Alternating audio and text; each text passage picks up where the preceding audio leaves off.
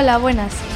Estamos hoy en Radio 74, en Lo Nunca Visto, y hoy vamos a hablar de deportes, ya que ayer se jugó el partido Fútbol Club Barcelona contra el Osasuna. Buenos días, Gael. Hola, Maya. Buenos días. Hoy os contaré el enfrentamiento del Barça contra el Osasuna, que gana el Barça 1-0 con el gol de Jordi Alba en el minuto 87, que les dio la victoria al equipo culé. Y ahora os pasamos con Jordi Sabatés, que os contará sobre el baloncesto.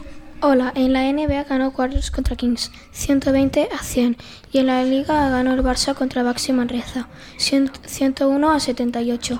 Una victoria clara. Y ahora os pasamos con Scarlett que os contará las novedades musicales. Hola, buenos días. En el día de hoy, según Spotify, tenemos el tema Flowers de Miley Cyrus en primera posición. En segunda posición tenemos al artista Ariana Grande con la canción Seven Rings y ahora el tiempo con Maya Picas. Hola, hoy en el tiempo tenemos un día soleado y despejado con unos 22 grados y la temperatura mínima de hoy será de 14.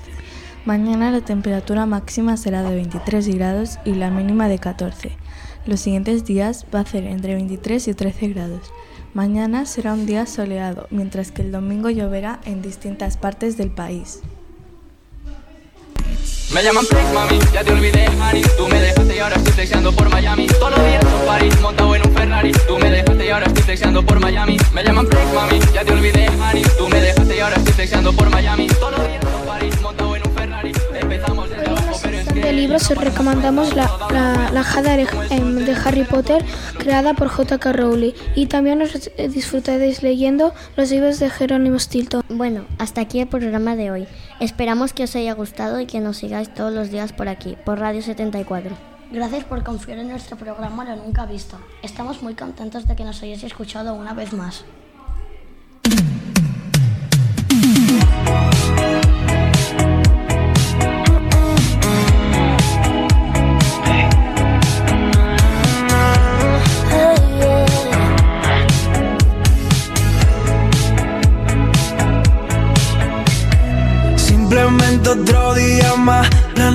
Recuperarte.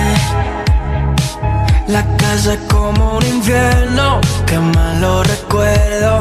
Y en plan masoquista dejé todo tal cual.